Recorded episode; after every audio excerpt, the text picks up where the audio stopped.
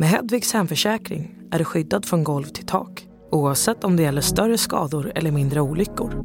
Digital försäkring med personlig service, smidig hjälp och alltid utan bindningstid. Skaffa Hedvig så hjälper vi dig att säga upp din gamla försäkring. Hedvig Hemförsäkring, ett klick bort.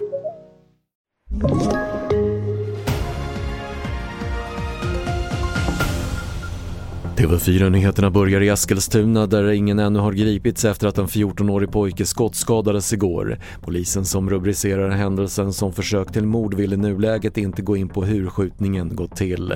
Pojken vårdas för svåra skador men hans tillstånd uppges vara stabilt.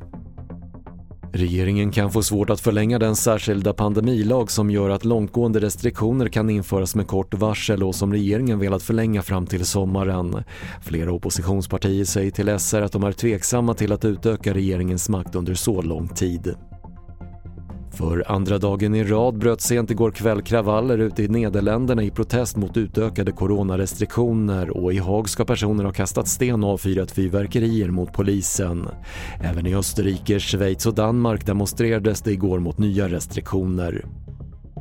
Och den försvunna kinesiska tennisstjärnan Peng Shuai har synts igen på bilder från en turnering i Peking.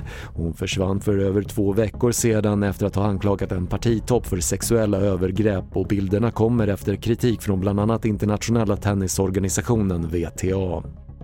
Fler nyheter hittar du på tv4.se. Jag heter Patrik Lindström.